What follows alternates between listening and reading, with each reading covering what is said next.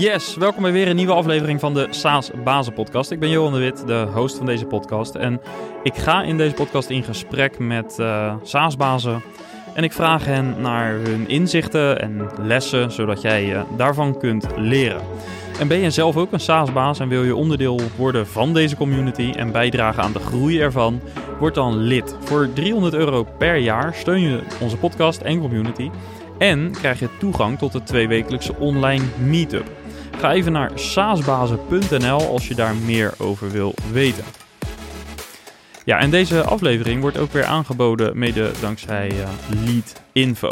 Lead Info is een SaaS-oplossing waarmee je precies ziet welke bedrijven er op jouw website zitten. En dat is vooral natuurlijk in B2B SaaS erg nuttig. Want zo kan jouw sales team volgen welke bedrijven jouw website bezoeken. En kunnen ze daar ook een uh, follow-up proces op inrichten. En uh, dat is uh, ja, heel nuttig omdat zo ongeveer 97 à 98 procent van de websitebezoekers geen initiatief tonen. Maar een groot deel van die groep is wel geïnteresseerd. Nou, met Lead Info kun je dus ook die bezoekers identificeren en opvolgen. Je kunt het 14 dagen gratis proberen. Ga daarvoor naar leadinfo.com slash saasbasis. Ja, en vandaag een heel leuk gesprek met Arthur Noble van Night Capital. En uh, vooral is hij de schrijver van het boek um, 47 Leaders of Growth. Hij interviewde autoriteiten, 47 uh, mensen dus, in de SaaS-wereld en vatte de interviews samen in dat boek.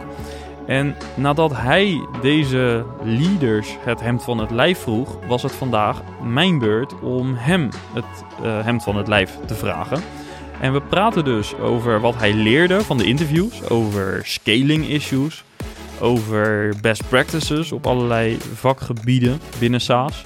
En hij legt ook uit waarom elke scale-up een head of scaling moet hebben. En oh ja, hij legt ook nog even uit waarom product market fit onzin is. Nou, genoeg reden uh, om uh, snel naar het gesprek te gaan. Let's go! Ja, Arthur, van harte welkom in de SaaS Bazen podcast.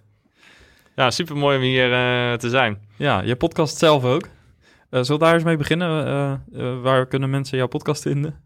Ja, nee, op, eigenlijk op alle grote platformen zoals Apple, Spotify en dan gewoon Leaders of Growth. En als de SEO nog niet goed is, dan Leaders of Growth, Artie Noble en dan komt hij er meestal uit. Ja, helemaal goed.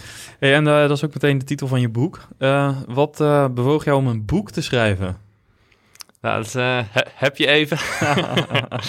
nee, dat was eigenlijk een soort van nou, lang verhaal kort. Ik heb ooit een eigen bedrijf gehad en toen... Um, heb ik van mijn uh, collega founder uh, Georgie heb ik toen ooit het boek uh, Tools of Titans gekregen. Dus dat, eh, daar heb ik zelf ook wel het een en ander aan gehad toen het eigenlijk daarna niet zo goed ging met de start-up en ik toen een beetje mijn rouwproces had. En dus nou goed, aan dat format van boek had ik dus veel gehad. En toen zat ik vorig jaar, zat ik met mijn collega Diederik, zaten een beetje te brainstormen over het een en ander. Dus toen dachten eigenlijk van, we gaan een, um, we gaan een, we gaan een boek schrijven, want dat... Um, ja, dat vinden we gewoon mooi om dat aan andere founders aan te bieden. En uh, nou, het helpt ons ook als, als, als, als VC. En voor mezelf leer ik er ook ontzettend veel van. Dus zodoende is dat een beetje, uh, een beetje ontstaan. En toen we eigenlijk dat Tools of Titan uh, framework gepakt. En toen dacht ik van nou, wat ik ervan heb geleerd, hoop ik ook op het gebied van SaaS aan andere mensen door te kunnen geven. Ja, super gaaf. voor de mensen die Tools of Titans niet kennen, hoe ziet het principe eruit?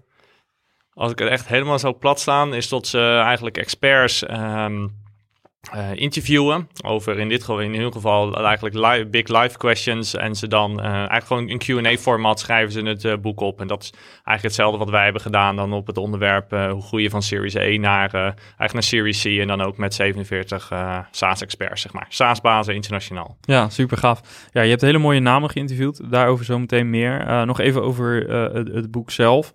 Um, je hebt dat boek dus geschreven. Ik, ik zei net tegen je, het lijkt wel, het, deed me een beetje denken aan Tools of Titans. Nou, toen zei je van, hé, hey, wacht even, daar is het ook op geïnspireerd. Um, uh, dat boek, wat, wat was uiteindelijk voor jou je persoonlijke doel om dit te doen? Er waren een, waren een aantal doelen. Enerzijds is het um, vond, vonden we het mooi. Wij, wij, vinden, content belangrijk als Night om zodoende de eh, echt eh, founders te helpen. Dus ook de reden waarom ik in Venture Capital in eerste instantie uh, ja, ben gegaan. Dus op zo'n manier. Dus dat was eigenlijk het hoofddoel. Voor mezelf waren er nog een aantal zijdoelen. Was het enerzijds het uitbreiden van een, van, van, van een netwerk. En de, de anderzijds was het ook gewoon veel dingen te leren. Zo een beetje een beeld te geven. Ik zit dan bij verschillende bedrijven in de board. En die vragen mij allerlei, stellen mij allerlei vragen. Goede vragen. En ja, om daarin gewoon open te zijn. Soms heb je ook niet altijd het juiste antwoord erop. Dus ik gebruik zowel mijn boek als nu af en toe als de podcast op een ordinaire manier om dingen die ik niet altijd weet, probeer ik soms wel eens een vraag tussen te stoppen om zodoende antwoord te krijgen, zodat ik uh, ja, de founders die ik mag ondersteunen gewoon uh, ja, meer succesvol kan laten zijn. Ja, en welk uh, hoofdstuk pak je er op dit moment het liefst bij? Oeh, een van de favoriete onderwerpen. Nou, ik, ik vind Mark Roberts vind ik wel echt, echt top. Um, zelf ben ik ook echt wel uh, enthousiast over het onderwerp replicable sales model. Het is ook iets wat wij ons op maar, proberen te positioneren. En hij is daar toch wel wat mij een beetje de, de, godfather in. Dus dat was ook de manier hoe we hem aan boord krijgen. Ze hem echt, echt als fan. Ik heb in 2015 ooit eens een boek gelezen en ja, ben hem eigenlijk altijd wel een beetje blijven volgen. En ik vind hoe, hoe hij eigenlijk een soort van structuur uitleg geeft van hoe je eigenlijk een repliceerbaar salesmodel uh, bouwt. Ja, vind ik zowel heel praktisch relevant als tegelijkertijd gewoon heel interessant om te lezen. Ja, en uh, zijn er ook hoofdstukken, of nou misschien anders gezegd, zijn er ook interviews geweest uh, waar, je, waar bepaalde huidige overtuigingen die je had op dat moment heel erg gechallenged zijn?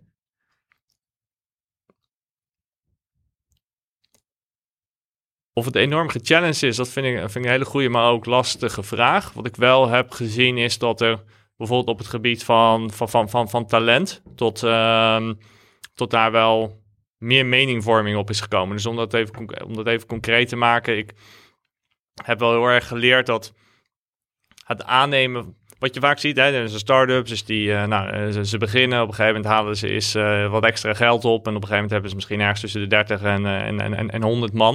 En dan gaat het echt over het bouwen van een team. En wat je daar, wat, wat, wat je daar eigenlijk toch wel ziet, is dat het heel snel het idee is van, oké, ik ga mensen intern promoveren. Maar eigenlijk hoe belangrijk het is om echt toppers aan te nemen die dit al een keer hebben gedaan, of in geval in een soortgelijke context, hoe belangrijk dat is eigenlijk voor het start-up resultaat. Dat is wel echt iets wat er is ingehamerd over en over again. Um, eigenlijk door heel veel verschillende, verschillende mensen. Dus dat is wel echt een soort van diepe convictie voor mij geworden, dat team nog belangrijker is dan ik al dacht. Ja, en, en wat was daarvoor uh, de belangrijkste drijfveer achter, in, in jouw uh, wereld op dat moment? Nou, ik denk dat je toch wel in, in venture capital heb je altijd twee discussies. Zeg maar, je hebt de, de jockey en de, en de horse. De horse is de markt en de jockey is, uh, is het team dat het doet. En dan um, nou, is het al traditioneel dat de ene investeerder zit heel erg op de ene en de andere zit op het ander. Uh, beide zijn heel succesvol geweest. Voor mij traditioneel heeft Kleine Perking zat op het ene en Sequoia me op het andere. Nou, zelf heb ik daar niet een hele expliciete mening over. Ik probeer ergens dan het midden te vinden. Maar ik denk dat het heel uitdagend is als je bijvoorbeeld, hè, als ik vanuit, uh, vanuit VC, dan krijg ik allemaal hele mooie pitches en dan kijk ik er ook met een ondernemende bril, uh, probeer er naar te kijken en, en dan denk je, wauw, dit is helemaal super. Maar op het moment dat een bedrijf dan geen goed hiring plan heeft en niet van plan is echt die toppers aan te nemen of niet in staat is om die mensen aan te nemen, ja, dan kan er nog steeds wel een, een heel goed concept zijn, maar dan is de kans dat het dat doel gaat bereiken wat het stelt, wordt dan toch echt wel heel erg uitdagend. Ja, dus eigenlijk team, uh, dat is uh, nog meer, uh, het, belang daarvan is nog meer benadrukt. En dus ook in die zin dat je mensen moet aannemen die de route al een beetje kennen. Um, in, in die gesprekken, zijn er nog andere dingen geweest die jou heel erg verrast hebben, bijvoorbeeld, in, in, in een van die interviews? Nou, een van de dingen die de, met, twee, met twee dingen te beantwoorden. Het eerste is wat mij heel erg opviel, is dat de mensen die ik sprak, zitten echt wel hele senior mensen tussen. Hoe authentiek en open die zijn. Dat vond ik wel, dat vond ik wel echt, um, dat vond ik wel echt mooi om te zien. Verrassend ook?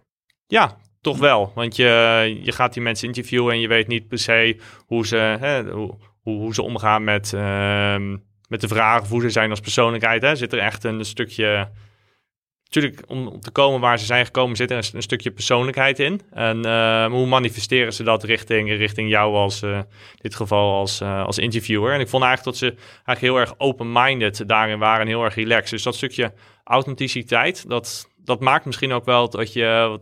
Tot waar, je, tot waar ze zijn gekomen. En dat vond ik wel, dat vond ik wel inspirerend om te, om te zien. Ja, en zijn er, uh, ik probeer een beetje te zoeken naar van ja, wat zijn voor jou de learnings geweest? Dus hè, wat is er, wat, wat viel je op? En zijn er ook dingen gezegd uh, waarvan je zegt van nou, oké, ik schrijf ze op omdat jij het zegt, maar ik heb daar een hele andere overtuiging uh, in op dat gebied? Dat, dat zal bij 47 gesprekken toch voorkomen. Ik ben een beetje benieuwd waar heeft dan die frictie gezeten? Zo'n zo goede vraag. Ik, uh, oké, meer een generiek punt. Wat ik heel grappig vond van de... Ik heb veel operators geïnterviewd. Dus ik heb bewust voor gekozen om geen, geen, geen VC's uh, te, te, te, interviewen. En wat mij wel erg verbaasde, is dat mensen heel erg point-based denken. Dus vanuit hun situatie adviseren ze iets. Terwijl uh, ik vond bijvoorbeeld Mike Diaz in, in het boek wat ik van heb geïnterviewd, die, dat was iemand die veel meer vanuit een framework dacht. En dat vond ik wel een stuk sterker. Dus als ik, als ik het ergens niet mee eens zou zijn, dan had ik zoiets van: oké, mooi uh, specifiek advies, maar niet echt generaliseerbaar. En dat vond ik wel, dat was wel iets wat mij, um, wat, wat, wat mij opviel. Heb je dat ook bij iemand teruggelegd? Of was dat meer een algemeen Ja, gevoel dit- wat je had na... exact. Ja, precies. Ja, dit, dit was echt een eh, across the board, uh, across the board feeling. En eh, als je dan eh, kijkt naar de... hè, je hebt er dus een aantal dingen uitgehaald. eh al, we kunnen niet alle lessen er waarschijnlijk uit gaan halen... maar een beetje, een beetje op zoek naar de belangrijkste inzichten. Ehm, zijn er ook, al zou je nu een start-up beginnen of, of je zit in de board... zijn er ook echt dingen die je heel, zeg maar, meer op praktisch level mee kan nemen naar zo'n bedrijf? Jazeker, als ik ehm, denk bijvoorbeeld aan een interview, ga even een paar, een paar dingen geven. Er zijn, dus uiteindelijk is het gewoon ontzettend moeilijk om zo om een bedrijf op te starten en, dat en dat te schalen. En het is gewoon heel belangrijk om een supportnetwerkje naast je te hebben. Maar ook, en dat, dat advies kreeg ik van, eh, van de oprichter van eh Chorus.ai. Die heeft zijn bedrijf uiteindelijk voor 575 miljoen verkocht, eh, recent. Maar die zei dus, zorg, ook al is je founderrelatie echt goed, zorg dat je eigenlijk al een soort van coach uh, dan al aanneemt, zodat je ook gewoon jullie relatie ontwikkelt. Omdat het zo belangrijk is op de, op, op de lange termijn. En doe je dat niet, dan kunnen er ook allerlei frictiepunten ontstaan. En uh, ondanks dat je relatie in het begin heel goed kan zijn geweest. Dus dat, dat was wel echt iets wat ik um, zelf wel praktisch, maar heel inzichtelijk vond. Dus ik even kriskras doorheen gaat. Wat Mike Diaz zei, is eigenlijk van je kan een bedrijf hebben, maar het gaat ook heel erg om de operationele ritmes. Dus de weeklies, de dailies, de, de, de monthlies, de, de, je OKR-frameworks. Dat dat uiteindelijk ook wel gewoon een heel groot gedeelte is van... oké, je kan geld raisen, je kan goede mensen aannemen... je kan een leuke visie hebben. Maar uiteindelijk is het toch gewoon doen, executiemodus. Dus dat vond ik wel een, um, een belangrijk punt. En als ik gewoon weer even iets heel willekeurigs eruit pakt... is dat je toch wel snel ziet als je gaat internationaliseren is dat het handig is om een, uh, om een soort van SWAT-team te hebben. Om, uh, om, om, da om, daar eerst mee, mee, te starten. En een derde ding, waar ik zelf ook wel echt enthousiast over ben geworden, is het concept van overhiren. En dat is ook iets wat ik wel echt in mijn praktijk zie. Dus je krijgt, um, ziet een bedrijf, die heeft allerlei aannames over groei. Nou, die zijn altijd ambitieus. En um, nou, dat mag ook, dat vind ik ook super mooi. Maar wat je dan vaak ziet, is tot ze uitgaan tot ze precies tot alles goed gaat. En wat je dan ziet als je salespersonen dan aanneemt, hè, de ene werk, om gewoon een heel praktisch voorbeeld te geven, stel een bedrijf heeft een sales cycle van zes maanden. En dan, uh, nou, dan duurt het uh, zeg maar drie maanden om, uh, om een nieuwe salespersoon te vinden, drie maanden of nou, misschien wel tussen drie en zes maanden om iemand te onboorden. Vervolgens moet hij dan, nou, dan ben je dus minimaal zes maanden onderweg. Nou, dan ga je beginnen met zo'n salesproces van zo'n salespersoon. En dan zie je dat zo iemand niet werkt. Maar op het moment dat je eigenlijk een hele vroege starter bent en je met je early stage starter bent, en je bent eigenlijk heel erg afhankelijk van de performance van, de, van die ene salespersoon, dat betekent dus dat je eigenlijk uh, bijna een jaar weg kan gooien. Ja. Dus wat ik heel erg kreeg uitgelegd. En wat ik uh, ook wel vanuit ervaring zelf heb gezien, is dat je eigenlijk moet over, toch wel moet overhiren. Zodat je eigenlijk het risico naar de onderkant uh, ja, eigenlijk afdicht. En dan wordt soms wel als in de negatieve kant wordt het wel eens uitgelegd in de zin van ja, als iemand niet. Um, ja, uiteindelijk uh, ontsla je een van de twee mensen en dan kies je de beste eruit. Nou, dat, dat, zo sta ik er niet in. Als ze allebei hun quota's halen, zeg maar, dan kun je ze ook beide houden. Ja. Uh, presteren ze allebei niet, nou dat is heel unfortunate. Dan moet je echt gaan denken over je hiring proces. Maar de kans dat je in ieder geval um, als start-up geen, geen setback hebt, dat vind ik heel belangrijk. En zeker um, als start-up, omdat groei zo belangrijk is. Hè? Als zakt de groei in, dan moet je allerlei dingen uitleggen. En je wil eigenlijk dat veel meer kunnen controleren.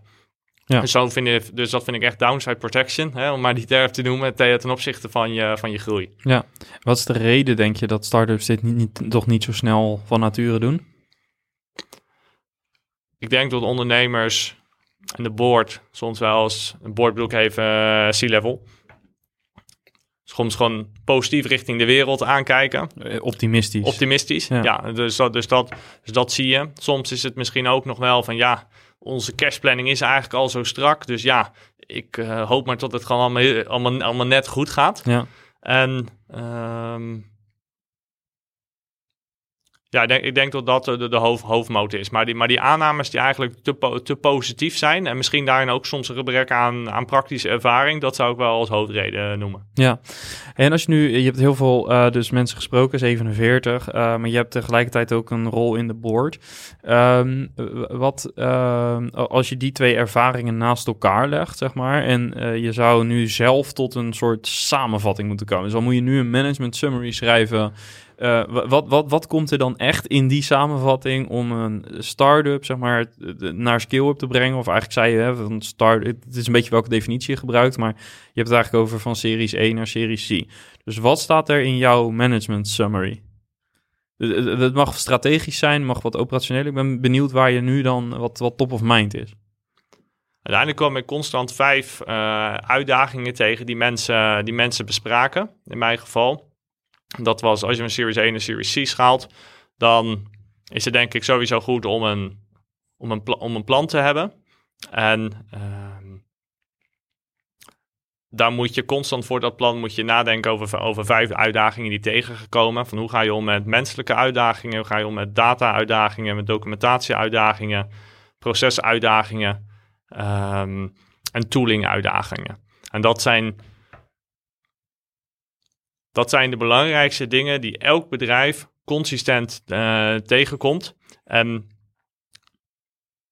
wat ik oprecht geloof, zijn heel veel externe factoren in een bedrijf die je niet kan beïnvloeden. Maar deze factoren, daar valt voor te plannen. Ik zeg niet tot het perfect kan gaan, maar er is het schalen van een bedrijf, daar is grotendeels ook voor te plannen en te voorzien wat gaat er gebeuren als. En, Doe je dan ook scenario planning? Nou, als je als bijvoorbeeld da een data-uitdaging even als voorbeeld neemt. Wat je ziet is als je een Series B bereikt, dan, um, dan, is, het, dan is het ontzettend belangrijk dat je. Dan wordt het, allemaal, wordt het allemaal iets meer cijfer gedreven. Dus dan gaat het ook iets meer soms om allocatiebeslissingen. Welke landen moet je in, welke verticals moet je in, uh, welke sales teams zijn het meest efficiënt. Maar om dat te kunnen doen en dan echt exponentieel exponentieel te kunnen blijven schalen, dan moet je wel die supporting data hebben. Uh, dus dat betekent dat je die niet pas gaat meten als je Series B ingaat, maar die moet je al hè, minimaal vanaf je Series A, zo niet eerder, uh, gaan meten.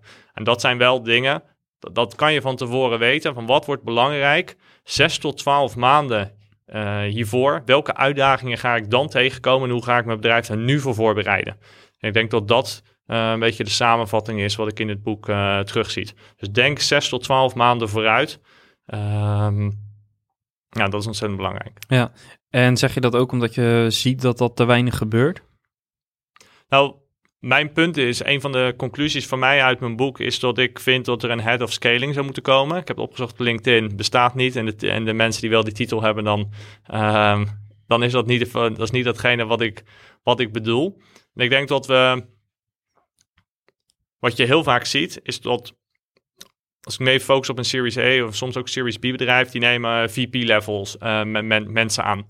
Dat zijn hele mensen, die, zijn mensen die zijn heel capabel op functioneel gebied, maar het zijn nog niet de mensen die zeg maar 200k per jaar verdienen. Uh, noodzakelijk en die echt de combinatie hebben van strategie, operationeel en die, die hele stack. Dus wat je vaak krijgt is sterke executors met um, plus um, een bepaald level aan, strategie. En dat krijg je eigenlijk op, op, op elk gebied. En die mensen zijn goed in het runnen van hun eigen organisatie, maar niet zo noodzakelijk om vooruit te kijken van oké, hoe gaat mijn organisatie of mijn sales of marketing department zes tot twaalf maanden hiervoor uh, eruit zien. Dat is ook een stukje misschien, laat ik zeggen, bijna McKinsey's conceptueel vooruit, vooruitdenken. En dat is wel iets wat ik vind dat dat toch, wel vaak, uh, van vaak, vaak mist. En daarom vind ik bijvoorbeeld een, een, een head of scaling die een scaling roadmap maakt. Hè. We nog nooit van, zie je ook niet een product roadmap, maar waarom is er geen scaling roadmap als, als, als bedrijf, maar die dat dan soort van beheert, maar ook elke functionele lead support met, oké, jij bent heel goed in sales, je haalt je doelstellingen, maar aan de, aan de andere kant help ik jou met het bouwen van de processen om jouw organisatie straks, straks op tijd klaar te stomen voor, voor de volgende fase. Ja, en is die head of scaling, dat is een vrij strategische functie, als ik je goed begrijp. Bijvoorbeeld iemand die, ik zeg maar wel, bij Accenture, uh, zeg maar... Strategieconsultant bijvoorbeeld is geweest? Ja, bijvoorbeeld. Of gewoon ook sterk in, opera in de operational excellence uh, hoek. Mhm. uh, in, in die richting zou ik, zou ik denken. Ja. Zou ik denken. En, en die moet dus strategie, bedrijfsbrede strategie, moet die kunnen vertalen naar een roadmap waaruit je, waarin je ook bepaalde voorspelbaarheid krijgt. Dus dat je ziet van oké, als we in die fase komen, dan gaan we die challenges krijgen. En dat is nu nog zes maanden uh, van ons verwijderd. Maar we hebben dus nog maar zes maanden om dat op orde te krijgen. Ja, ja bijvoorbeeld. Of als je ziet dat op het moment dat je weet dat je over zes tot acht maanden tien extra salespersonen hebt aangenomen, dan moet je wel een heel sterk onboarding playbook hebben gebouwd. Ja. Uh, maar dat heeft automatisch ook betrekking op heel veel andere facetten in het bedrijf. En ja. op, op zo'n manier uh, kijkt daarnaar. Of oké, als het bedrijf over um, een jaar 20 salespersonen in dienst heeft. Misschien moeten we dan van HubSpot naar Salesforce gaan migreren. Ja. En, dat, uh, en daar dan op tijd eigenlijk mee, mee starten. Zo, zulke soort zaken. En ja. dus dat relateert aan die challenges van, van, van HR, van tooling, van processen, van data, um, et, et cetera. Ja. En daar soort van vooruitdenken en daar een roadmap op bouwen. Ja. Van, Interessant inzicht. En, en stel je stelt zo iemand aan, een head of scaling. Dus we bouwen de droomorganisatie en we stellen head of scaling aan, uh, dankzij jouw uh, advies. Uh, hoe ziet de relatie er met het founding team uit? Met de founder, met C-level team, zeg maar. Hoe, hoe, werken die twee samen? Ik zou... Um, ik denk dat best wel wat misschien wat luisteraars zullen denken van... oké, maar in welke mate is dit niet gewoon de taak van een COO? Ja, nou, precies. Ja. ja, Ik, denk... Of gedeeld met de CEO zelfs. ja. ja. Ik... Um, de CEO heeft nog een andere taak. Misschien kunnen we zo op, op, op, op ingaan. Um, maar de, de COO, als ik die even zie als uh, Chief Operations. Wat je vaak ziet bij een COO, omdat er... Kijk, als je een bedrijf schaalt, er zijn natuurlijk heel veel dingen die je tegelijkertijd kan doen. Dus die heeft vaak een focus op de present. Maar die is not, niet, zomaar, niet zo heel erg forward-looking. Dus ik zou zeggen dat zo'n head of scaling zou onder de COO staat en daar gewoon naar rapporteert. Um, hoeft ook niet per se een heel, een heel, team, een heel team op zichzelf te hebben. Um, maar zo zou ik dat, eh, zo zou ik dat uh, structureren. Als iemand die supportive is naar de COO, zodat die even zijn focus op de juiste zaken kan, kan houden. Ja, en, en hoe zou je de koppeling met de strategie faciliteren? Met, zeg maar, die, want uiteindelijk hij moet zijn strategie moet hij ergens vandaan halen. Die zal die niet zelf volledig definiëren. Ik denk dat het altijd heel erg Normaal gesproken zou een eh, maak je als bedrijf plannen en dat, moet dan, en dat sluit ook ergens aan met, met het budget. En daar zit dan een headcount planning onder, et cetera. Dus ik denk dat dat wel, uh, of uh, meer praktisch genomen, een soort van OKR planning ja. op, uh, op, op jaarbasis of kwartaalbasis. Ik denk dat je dat soort van als, als, startpunt neemt en daaruit ga je dat dan verder uitrollen. En dan moet die persoon met elke functional head, bijvoorbeeld VP Sales, VP People, et cetera... Um, ja, gevraagd, oké, van waar, waar, waar, wil jij nu naartoe? En dan uh, zorgen dat dat dan wordt ingericht. Ja, en als we zo'n persoon willen gaan aannemen, of een luisteraar die denkt van, uh, dat klinkt wel goed wat uh, Arthur daar zegt, ik ga een vacature uitzetten. Wat voor skillset moeten we naar kijken? Ik denk dat het iemand is die conceptueel denkvermogen heeft. Dat is denk ik uh, enorm belangrijk. Al zou het iemand, kijk, ideale profiel zou iemand zijn die eerst consultancy heeft gedaan, vervolgens wel wat start-up ervaring heeft opgebouwd, hè, zodat het wel gewoon voldoende praktijkervaring in de start-up wereld heeft. Dat zou, uh, dat zou top zijn. Twee, drie jaar consultancy-ervaring en dan vervolgens paar jaar start-up ervaring in de, in de skill-up. En dat is denk ik het belangrijkste. En dat is ook even terug naar het boek. Het belangrijkste ze moeten zijn geweest waar jij naartoe wil gaan. Want anders is het uh, theorie en geen praktijk. Ja, ze moeten wel voor zij moeten uh, het, het, gezien en beleefd hebben. Ja, dat, Zodat, dat, ja. dat, dat, gaat wel, e-, dat gaat wel enorm helpen. Ja. ja. ja. En um, uh, wat, wat zijn echt verder, want dat zijn een beetje, dat is de achtergrond die iemand nodig heeft, maar zitten daar nog bepaalde skills aan? Ik, ik denk ook een beetje aan communicatie, want wat voor rol heeft zo iemand in naar de organisatie ook? Want al moet die function heads gaan aanspreken en, en zeg maar, op welke manier moet zo iemand door de organisatie werken? Welke autoriteiten en welke autonomie heeft zo'n persoon? Of ligt dat heel erg aan de cultuur bijvoorbeeld? Of heb je daar wel een bepaalde blauwdruk voor?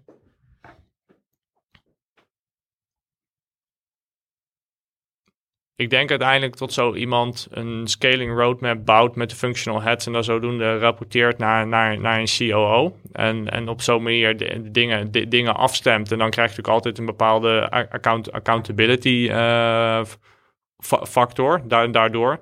Zo zou ik er denk ik, um, zou ik er denk ik naar kijken. Maar ik denk dat het meer in plaats van dat het iemand is die wat komt opleggen aan de VP of customer success is het meer een soort van een partner. Van, jij focust op je business, daar ben je goed in. En ik ga denken van jou, oké, moet je nu van, weet ik veel, van Slack naar Gainsight uh, toe in de komende, de komende 12 maanden. En um, of welke data, welke metrics moeten we nu voor customer success meten, omdat die straks uh, belangrijk gaat zijn. Of niet zozeer meten, of in ieder geval data verzamelen, laat ik het zo zeggen. Ja, je noemde net al uh, een keertje McKinsey volgens mij, ja, dus een, uh, of, of Accenture, wat dat soort ja, achtergrond. precies, ja.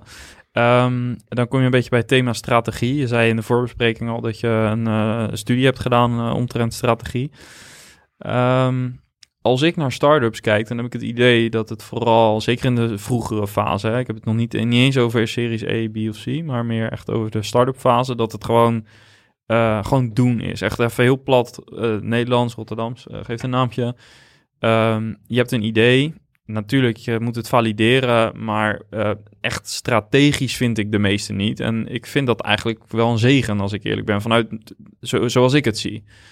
Um, hoe zie jij dat? En wat, wat, wat is strategie voor jou binnen een start-up?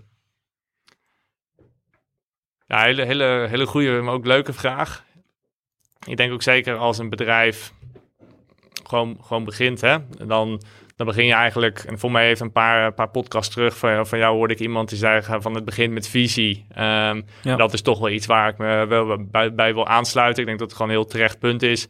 Je, je begint met een, met een probleem dat je, dat je ziet en daar heb je een oplossing voor. Uh, maar op het moment dat je dat eigenlijk wat meer dan richting product market fit gaat. Overigens, ik geloof niet helemaal in product market fit, maar dat is misschien een, ander, een ander onderwerp. Maar dat maar stel, we gaan even vanuit dat het wel bestaat en tot het één magic moment is, dan, um, dan eigenlijk vanaf dat moment moet je eigenlijk al, denk ik, strategische keuzes gaan maken. En hoe verder je eigenlijk groeit als, als bedrijf, hoe, hoe, hoe relevanter het um, eigenlijk hoe, hoe, relevanter het wordt, uh, de strategie. En wat was je tweede vraag?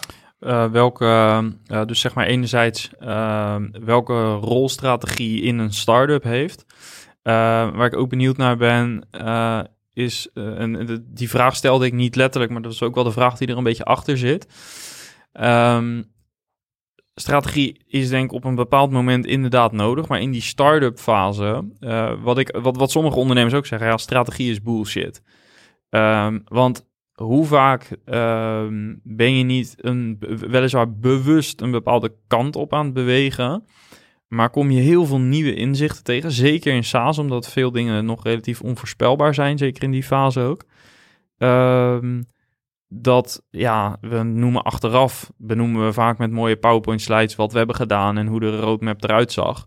Maar in werkelijkheid was het allemaal niet zo strategisch. Was het gewoon, ja, we zijn begonnen en we hebben gewoon uh, heel iteratief hebben we, hebben we dit bereikt wat we nu bereikt hebben. En dan, dan denk ik op het moment dat je een van de dingen waar ik echt naar kijk als je product market fit hebt bereikt, uh, is van hoe kwantificeer je eigenlijk de value die je levert. En ik denk vanaf dat moment, dat zou misschien een mooi punt zijn om te zeggen, dan, dan ga je naar strategie kijken. Dus het, het beste model vind ik voor een strategie dat ik vaak gebruik is van het boek Playing to Win. En dat, uh, nou, dat framework zegt eigenlijk van je begint met een uh, winning aspiration. Dan ga je vervolgens kijken van oké, waar ga je spelen? Welke landen, geografieën, klantengroepen, welke distributiemodellen. En dan hoe, hoe ga je winnen uh, in dat wat je hebt gekozen. Hè, dus bijvoorbeeld uh, low-cost leadership, of je ga je differentiëren. Of nou, bedenk elk bedrijf maar Nike marketing. En vervolgens ga, krijg je eigenlijk dan daaronder van oké, maar welke capabilities moeten daarvoor ontwikkeld worden om, om die waarde te kunnen leveren. En vervolgens welke management systems hangen eronder. En als je dan specifiek naar, naar strategie kijkt, hè, dus denk je, je aspiration hangt heel erg samen met je visie. Vervolgens heb je product market fit en dan ga je kijken van oké, maar waar ga ik dit nou uh, deployen? Hè? Wie, het is een iteratief proces geweest en ik zie nu dat de mid-market in accountancy dit toevallig interessant vindt. Uh, is dat dan waar ik ga spelen of zijn er toevallig nog andere verticals die er zijn? En ga ik het alleen in Nederland of ga ik ook naar andere landen? En dan how to win kan bijvoorbeeld zijn van ja, wij hebben...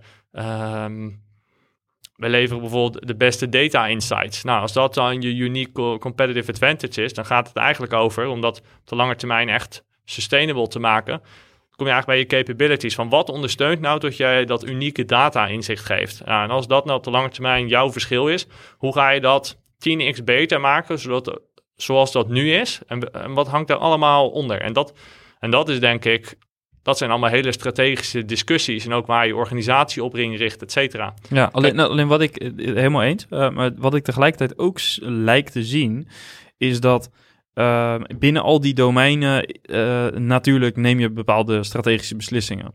Alleen in, uh, misschien is het zelfs wel een beetje de waan van de dag, die vaak nog, hè, dus ik heb het alles zeg maar met pre-seed, seed, tot en met, misschien tot Series E, misschien wel met Series E, totdat je echt een serieuze board gaat samenstellen en, en noem maar op.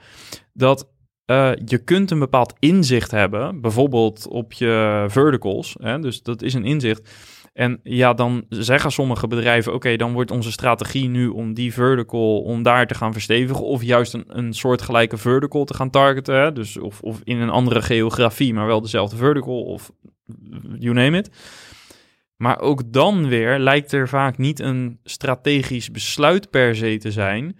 Maar dat het vaak uh, dat, dat je eigenlijk weer het volgende iteratieve proces ingaat. Uh, dus, dus, en ik, ik zeg niet dat strategie dus niet nodig is. Integendeel, ik denk dat het heel belangrijk is. En Patrick vertelde dat inderdaad ook vanuit zijn perspectief. Ik denk dat dat heel belangrijk is. Alleen tegelijk, tegelijkertijd lijkt ik ook een soort struggle te zien binnen de SaaS-wereld, zeker de start-up wereld, dat het heel moeilijk is om strategie te vormen. Totdat je op een gegeven moment echt bepaalde uh, ja, mijlpalen hebt bereikt. Zoals een grote fundingronde, waarop waar, waar alles inderdaad wat stabieler wordt. Maar zolang je wat meer in een uh, in, in soort woelig water zit, ja, hoe ver kun je dan vooruitkijken? Als je nu eigenlijk al weet dat de beslissing die je gaat nemen, dat die misschien toch over twee maanden al wel weer flink gechallenged wordt.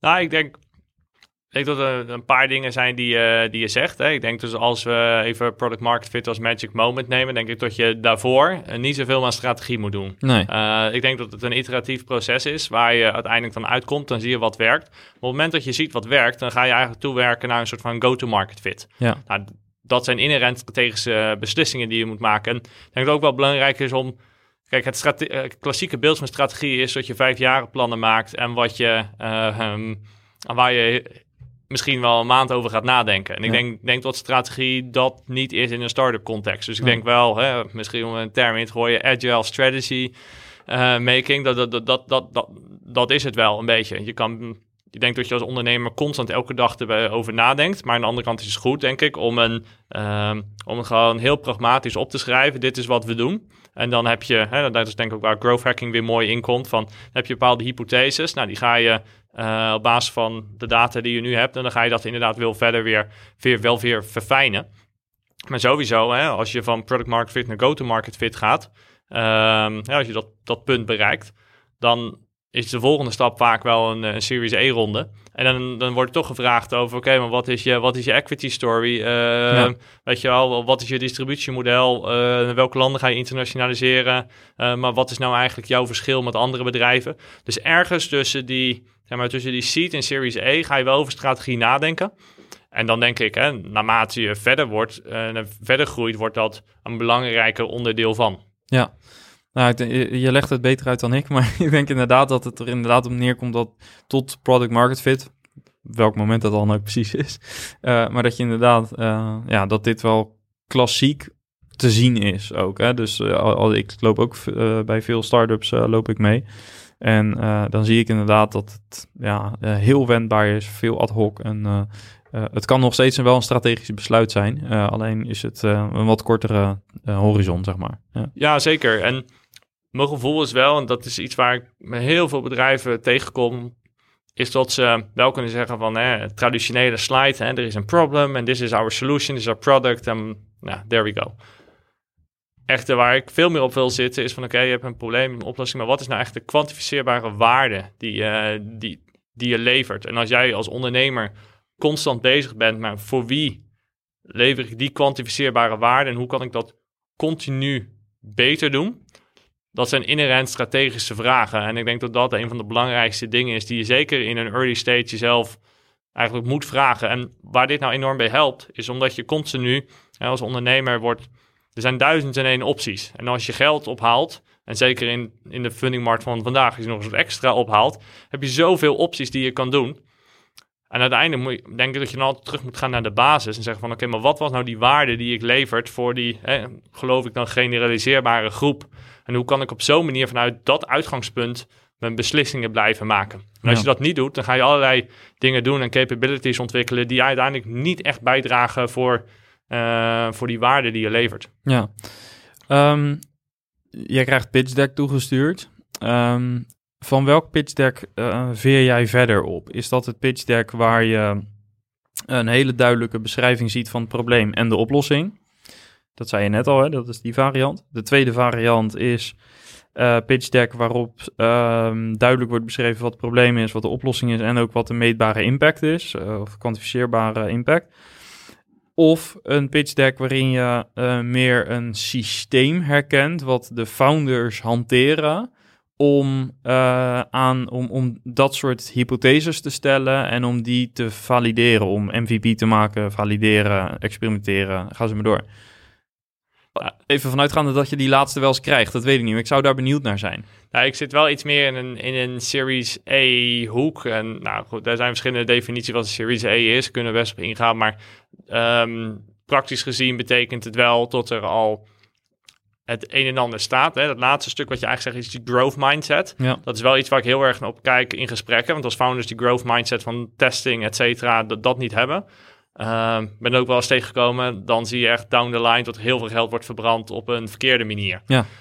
Um, jouw eerste voorbeeld van puur problem solution. Nou, dat kom ik vaak tegen. Maar wat ik wel echt het sterkst vind, is toch wel die, die tweede variant die je noemt. Als ik naar een pitch deck kijkt, en ik zie gewoon heel duidelijk van oké, er is een bepaalde urgentie om dit product te kopen. En als ze het kopen, dan eh, is dit de waarde wat het bedrijf eruit haalt. Dus ook veel makkelijker wordt het verkopen als je zegt, nou we sparen een organisatie 100 uur of 5000 euro of um, combinatie van zaken. En dat is toch wel, dat geeft ook wat in dat je inzicht hebt in je, in je customer use cases. Dan ben ik echt wel snap ik best wel dat alle luisteraars die misschien nu denken van ja, ik zit in een enterprise omgeving. Um, ik lever een soort van totaalpakket. Het is lastig te kwantificeren dan bijvoorbeeld in Calendly.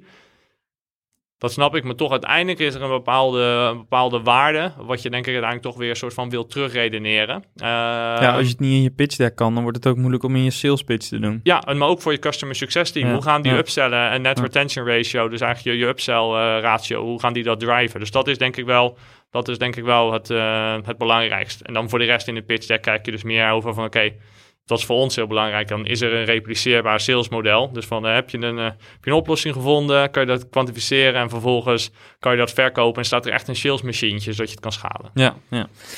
Um, je zei al even, uh, product market fit geloof ik niet zo in. Toch gebruiken we de term een beetje omdat iedereen dan, nou iedereen, maar de, de meeste mensen hebben daar denk ik wel een beeld bij. Maar toch gaan we de term even roosten, begrijp ik. Ja, ik, vind, ik vind het altijd wel een, een, mooi, een mooi statement om te maken. Maar waar het eigenlijk uitkomt... Het feit dat je zoveel het kan, het kan lezen, hè, dat er zoveel vragen over zijn, geeft al aan tot er al een beetje waar, waar rook is, is vuur, zeg maar. Wat ik, wat ik zie, oké, hoe, zeg maar, een paar jaar geleden dacht ik eigenlijk van, oké, je hebt een, uh, je start een bedrijf, vervolgens heb je product market fit en you happily scale ever after. Nou, dat, ik dacht heel erg lineair daarin. En dat, nou, dat slaat nergens op eigenlijk. Dat is uh, wel iets wat ik, wat ik heb uitgevonden. Ik geloof wel dat er, um, als je een bedrijf hebt, dan heb je, je hebt een, denkt er is een bepaald probleem, je hebt een oplossing en dan de eerste mensen die, die kopen en blijven het product gebruiken, dat is misschien de eerste keer dat je het gevoel van, hey, dat hoeft natuurlijk niet één moment te zijn. Zeker een enterprise organisatie is misschien meer zes maanden. Um, dat je denkt van, oké, er is wat, ik heb product market fit. Dat is dan de eerste keer, dus dat is wat je zou kunnen zeggen een magic moment.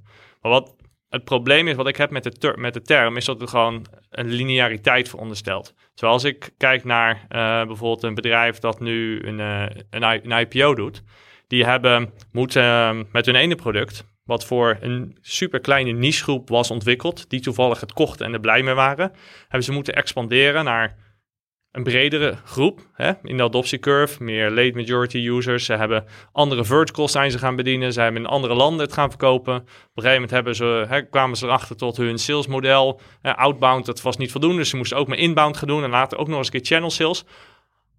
Op al die soort van domeinen hebben ze product market fit moeten vinden. Dus als een bedrijf een IPO maakt, dan hebben ze misschien wel duizend, misschien is dat wel een understatement, duizend product market fit moeten vinden. En dat maakt schalen zo ontzettend lastig. En daarom vind ik de term product market fit niet fair, omdat ik denk van nee, een bedrijf blijft product market fit moeten vinden, wil het uiteindelijk echt succesvol worden. Ja, over de hele linie. Exact. Ja, ja. ja. Oké, check. Dus eigenlijk de term en, en het concept, dat, uh, de, daar heb je geen probleem mee. Maar het gaat meer over de, de, de, bijna de illusie die het werkt dat als problem solution fit is gewoon, we zetten nu onze vlag ergens in het zand, want we hebben het. En vanaf nu kunnen we gaan schalen. Terwijl je eigenlijk zegt van in dat hele proces van schalen moet je dat alsmaar blijven doen in alle verschillende use cases en ga ze maar door. Ja, nee, exact. Als je bijvoorbeeld nou verkoopt aan, uh, we zitten bijvoorbeeld nu in een, in een restaurant. Um, super. En wat we, die verkopen nu aan, laten we zeggen, de onderkant tot max mid-market van restaurants. En stel, niet dat dat nou per se uh, noodzakelijk plan hoeft te zijn. Ze gaan verkopen aan enterprise, gewoon grote restaurantketen. Stel even McDonald's. Ja, dat is gewoon echt een heel, ander, heel andere aanpak. En daar moet je een heel nieuw salesproces voor optuigen. Die hebben andere behoeftes. Product moet iets worden getwikt. Dat is allemaal weer product market fit. Ja. Um, dus ja, op, op, op zo'n manier uh, die nuance. Ik weet wel, Brian Bolford, kan ik iedereen in de audience wel aanraden om zijn content te lezen. En die uh, schrijft ook over zaken als um, ja, market channel fit. Um, en zo heeft hij nog wel een paar van, van, van, van die fits die hij beschrijft. Uh, maar dat artikel kan ik zeker aanraden om, om, om te lezen. Ja, wij zullen het artikel even met elkaar delen en zorgen dat het in de beschrijving terechtkomt. Um, ja, we, uh, eigenlijk tot slot, want uh, we kunnen het heel lang over hebben, dat merk ik wel. Um, maar um, het is een heel breed onderwerp en ik wil eigenlijk kijken of we dat, en daar moet jij me misschien even bij helpen. Ik, ik zou eigenlijk het, het belangrijkste uh, common scaling issue, zeg maar, willen, willen identificeren. Als ik dat vraag, waar, denk jij dan aan? Wat is nou het meest voorkomende issue bij, uh, in die, in die scale-up fase van series E naar B naar C? Ik ben me ervan bewust dat het een moeilijke, brede vraag is. Nee, maar gewoon ook een hele goede vraag. Dus ik, uh, ik ga mijn best doen. Ik zou toch zeggen, het meest voorkomende uitdaging die ik hoor is zowel, dat zullen jullie als luisteraars waarschijnlijk ook wel herkennen, is echt HR. Dat is de uitdaging. En, de uitdaging die je dan tegenkomt, is enerzijds uh, de type mensen eigenlijk die je aanneemt. Het is heel pijnlijk hè, als ondernemer. Je overtuigt mensen om, om, om aan boord te komen. En dan, dat doe je bijvoorbeeld in de seed fase. En dan kom je erachter dat bij de richting een Series B, dat iemand gewoon eigenlijk niet meer, niet meer helemaal functioneert. Hè? Want je hebt iemand aangenomen met een hele brede, ondiepe skillset. En vervolgens in een, en naarmate je meer uh, volwassen wordt als bedrijf, zeg ik altijd, je gaat van een uh, T-shape naar een I-shape, uh, naar een, nou ja, naar een I-shape. Ja. En dan moet je, dat betekent dat, het, dat mensen uiteindelijk ook uh, vervangen zullen moeten gaan worden. En er maar een heel klein gedeelte van de mensen is die echt, die echt kan doorgroeien. En dat is een van de hoofduitdagingen die ik wel zie bij bedrijven. En, en daarnaast eigenlijk te veel betten op newbies. Hè, mensen die het voor de eerste keer doen. Ten opzichte van mensen die het al een keer hiervoor hebben gedaan. En die neem je niet alleen aan omdat die soort van je management level naar een ander niveau trekken. En misschien ook wel jou uh, complementeren. Maar ook heel erg voor de mensen onder in de organisatie. Om die te kunnen laten groeien naar een volgend level. Dus dat is wel iets wat ik heel duid duidelijk zie. En als ik gewoon puur kijk naar, naar schalen, wat ik wel als echt een hele grote uitdaging zie, en daar heb ik niet 1, 2, 3 een antwoord op, is, um, ik kreeg uit het boek, de intro, werd ik geïntroduceerd aan de stop-and-go strategy. En dat betekent, je begint mensen aan te nemen en vervolgens na uh, verloop van tijd stop je even en ga je het echt even absorberen. En vervolgens ga je dan weer mensen aannemen en doorgroeien. Wat ik wel het gevoel heb dat er, zeker in de fundingmarkt waar vandaag, heel, vandaag dag heel veel geld is, dat het, het idee bestaat van we moeten zo snel mogelijk een groot, een groot team bouwen. En dan zie je gewoon de, de effectiviteit van een team echt ontzettend uh, omlaag gaan.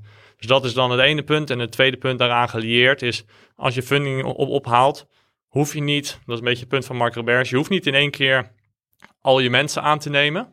Um, want dat is ook best raar. Als je in één keer, je haalt geld op, je haalt in één keer maar twee derde van je, van je organisatie, zeg maar, extra, die, die huur je erbij. Hoe groot is de kans dat daar geen fouten in zitten? Je moet eigenlijk, het gaat veel meer om, hiring gaat veel meer om het bouwen van talentpools, zodat je continu eigenlijk daar mensen uithaalt, zodat je zo organisch met elkaar kan, uh, kan, kan meegroeien. En dat is, um, dat is denk ik belangrijk. Verminder het aantal fouten, maar ook je zit in een hiring mode, zodat je continu het beste talent eruit kan uh, filteren. Want ja, gemiddeld talent is uh, duidelijk niet goed. Ga voor toptalent. Al duurt het, duurt het langer dan dat je zou willen. Ja.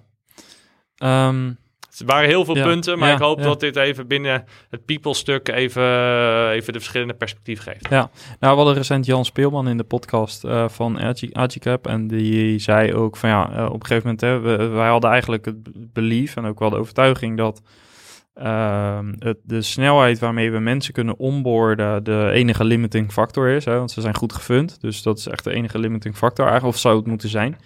Uh, maar ook in dat proces merkten ze wel dat op een gegeven moment te veel mensen in hele korte tijd aangenomen. Waardoor die adoptie in het team en de onboarding niet, niet soepel genoeg liggen. Waardoor ze even een paar, volgens mij zei hij één maand. Ik vind één maand weinig, maar het, knap als je het binnen één maand dat die balans weer kan herstellen in je team. Um, uh, maar dat je inderdaad even die, die stop en go. Ik kende het niet overigens, dus dank voor uh, het droppen van die term. Um, uh, maar dat, dat je daarmee even de, misschien ook wel de hectiek eruit haalt en de foutmarge en misschien wat meer aan je processen kan werken, je playbooks kan bijwerken of überhaupt kan maken. Um, en uh, dat dat voldoende adem geeft om weer door te gaan. Dus ik uit de praktijk en ik, ik, moest ook denken aan zijn verhaal, kan ik dat denk ik inderdaad wel, wel terugzien. Um, ja, er zijn uh, nog heel veel dingen te noemen, denk ik. Maar ik zou uh, de luisteraar vooral willen uitnodigen om jouw uh, boek gewoon te lezen. er staat veel in. Nogmaals, ik vond het heel prettig om doorheen te lezen. Met name omdat het deze opbouw heeft. je hoeft het ook niet per se in die volgorde te lezen. Hè. Je kunt gewoon het boek pakken wanneer je wil en daar zelf je learnings uithalen. Uh, dus ja, uh, goed gedaan om dat op die manier te doen. Want ik denk dat het ook voor een drukke SaaS-baas ook een heel fijn boek is. Je hoeft dus niet een heel hoofdstuk te lezen en dan actie te ondernemen en, en of, uh, ga zo maar door. Dus uh, uh, dat is, is leuk om te lezen. Tof. Ja, heel, heel graag gedaan. Het was inderdaad ook echt met het idee dat we weten dat mensen, mensen druk zijn. En ik, nou, het is leuk als mensen het boek, boek van, van A tot Z lezen. Maar ik denk dat het eigenlijk veel meer is van oké, zo heb ik het zelf Tools of Titans destijds ook gelezen. Oké, dit, is een mooi, dit is een mooi hoofdstuk, dit spreekt mij aan, dit relateert aan mijn situatie, dat pak ik eruit.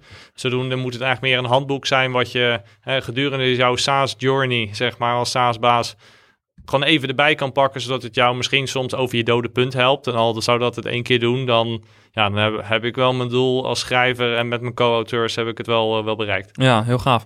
Um, we zouden één boek weg gaan geven um, aan de luisteraar. Uh, wat moet die luisteraar doen om dat boek te pakken te krijgen?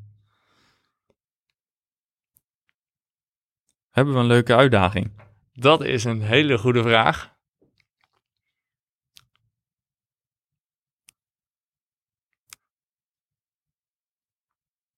Misschien kunnen we vragen om ehm, de. Misschien kunnen we de luisteraar challengen om een van de statements eh, uit deze podcast, eh, om, om daar een, eh, iets over te schrijven, om, daar, om, om, om ons weer te challengen. Zou dat een leuke zijn? Ja, dat lijkt, dat lijkt, dat, dat, dat, lijkt, me, dat lijkt me een goeie. Ik vind het altijd leuk, namelijk als eh, enerzijds als we de interactie hebben, maar het is ook altijd leuk als je wat, wat soms wat schurende meningen hebt en om, om dat soort dingen te horen. Dus ehm, ik laat het zo doen. Ehm, eh, vind je het goed om tot ja, dat, lijkt me een hartstikke goed idee. Want je vroeg me aan het begin van de podcast... wat was nou een van de dingen die je ook hebt geleerd? Een van de dingen die ik heb gezien... is dat mensen elkaar soms ook tegenspreken.